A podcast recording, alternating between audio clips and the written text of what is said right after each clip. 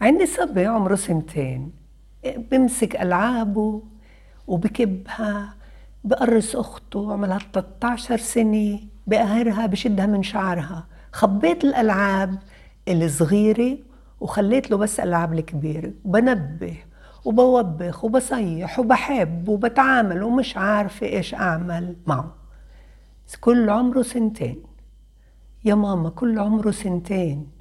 وانت مش عارفة انه هذا طفل اللي عايش مع كبار كلكم كبار كلكم رايقين. بتقولي بنتي اللي عمرها 13 ما كانتش هيك بتقارني. 13 سنة مرقت عليكي وكنت بس ببنت وحدة. إسا صار عندك بنت عمرها 13 وعندك سنتين. انت تغيرتي. انت مش عارفة كيف تعملي توفيق بهالتغيير اللي صار معك وهو مش عارف يعبر لك. هو كيف بعبر لك؟ برمي ألعابه بمسك ألعابه وبزتها. أنت شو عملتي عشان تدربيه على إنه يطور شخصية سوية سعيدة؟ خبيت الألعاب الصغيرة وخليت الألعاب الكبيرة. إيش خص الألعاب؟ هو مش عارف يحكي ويقول لك ماما في طرق اللي تعامليني فيها حتى إني أبدأ أتطور بشخصية أنا فيها. مبسوط.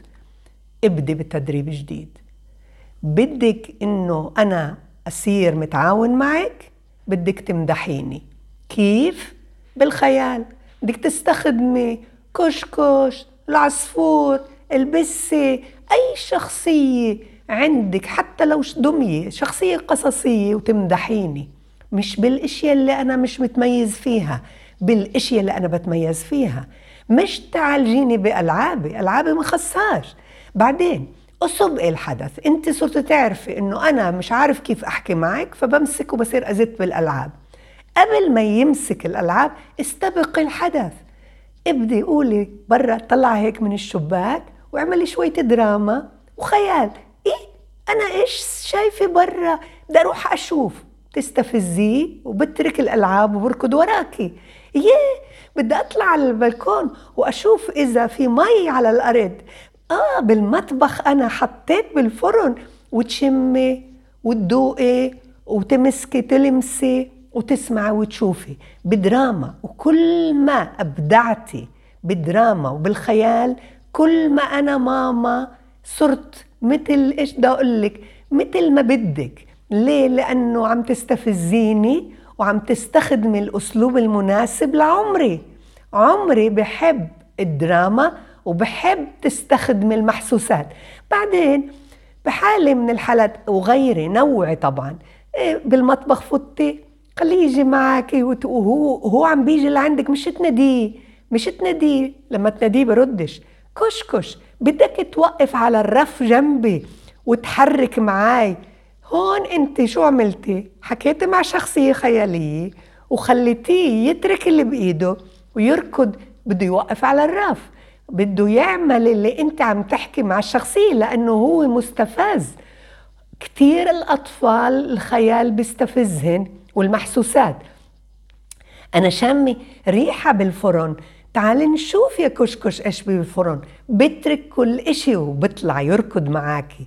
بعدين اطلع على الساحة اقعدي وغني. احكي قصة مش مهم تقعديه بحضنك ولا مهم إنه يمشي مثل ما بدك بس أنت بتحكي هو بركض بركض أنت بتستفزيه بالمحسوسات وبالدراما لأني أنا بمرحلة الخيال أنا بمرحلة اللي أنت عارفة الطريقة اللي فيها تستفزيني. والألعاب ما تخبي ألعاب ولا تخبي الألعاب أنت بس استبقي الحدث. ومهم كتير القصص. يعني لما تقعدي بالساحة أو لما تقعدي على الشرفة أنت وياه احكي قصص. بعدين انشغلي مثلا بالجنينة احكي كمان مع مثلا عصفور امدحيني ماما فرجيني إنك أنت مشغولة فيي بسلوك المستحب. كل ما حكيتي لشخصيات خيالية عني بإنك مبسوطة فيي ومحترمتيني كل ما أنا زدت أكون عند حسن ظنك لأنه أنا بهمني إنك تكوني مشغولة فيي. كل سلوك منك بحقق لي رغبة أنا بكرره فمنك تمدحيني أنا بكرر. واستخدمي كل الإبداع تبعك بالخيال المحسوس مع الناحية الفكرية الناحية العاطفية الناحية الجسمانية. وخليني أتحرك كتير. التحرك بنفس عن ضغوطي. وخليني أروح معك مشوار أروح مع البابا مشوار. بخليني أنفس عن ضغوطي. وما تنسي ماما القصص القصص ماما بتملكيني فيها. كل ما حكيتي له قصص أكتر كل ما أنت صرتي إيش ما عملتي أنا مستعد إني أسلك وأستجيب. للقيم اللي أنت بتحكيها. فمثلا كشكش ينام بسريره ياي بعد ما تحكي لي إياها تفوقي في مدحك على لكشكش وانت تحكي لكشكش إنه أنا قديش شاطر بنام بسريري أنا بغني صوتي حلو أنا بعرف أحكي قصة. تفوقي فيي على البطل. ولما بالاستحمام غني. الأغاني الترقصية كتير بتساعدني على الاسترخاء وكتير مهم. قبل النوم أنا عندي ماما عم تحكي لي أو عندي بابا كمان عم بيحكوا لي قصص عارفين كيف يتعاملوا معي. مش عصبيين وانفعاليين ومش قاعدين بيكونوا تعبت منك قاعدين بيكونوا مبسوطين مني. وهيك أنا بنام باسترخاء.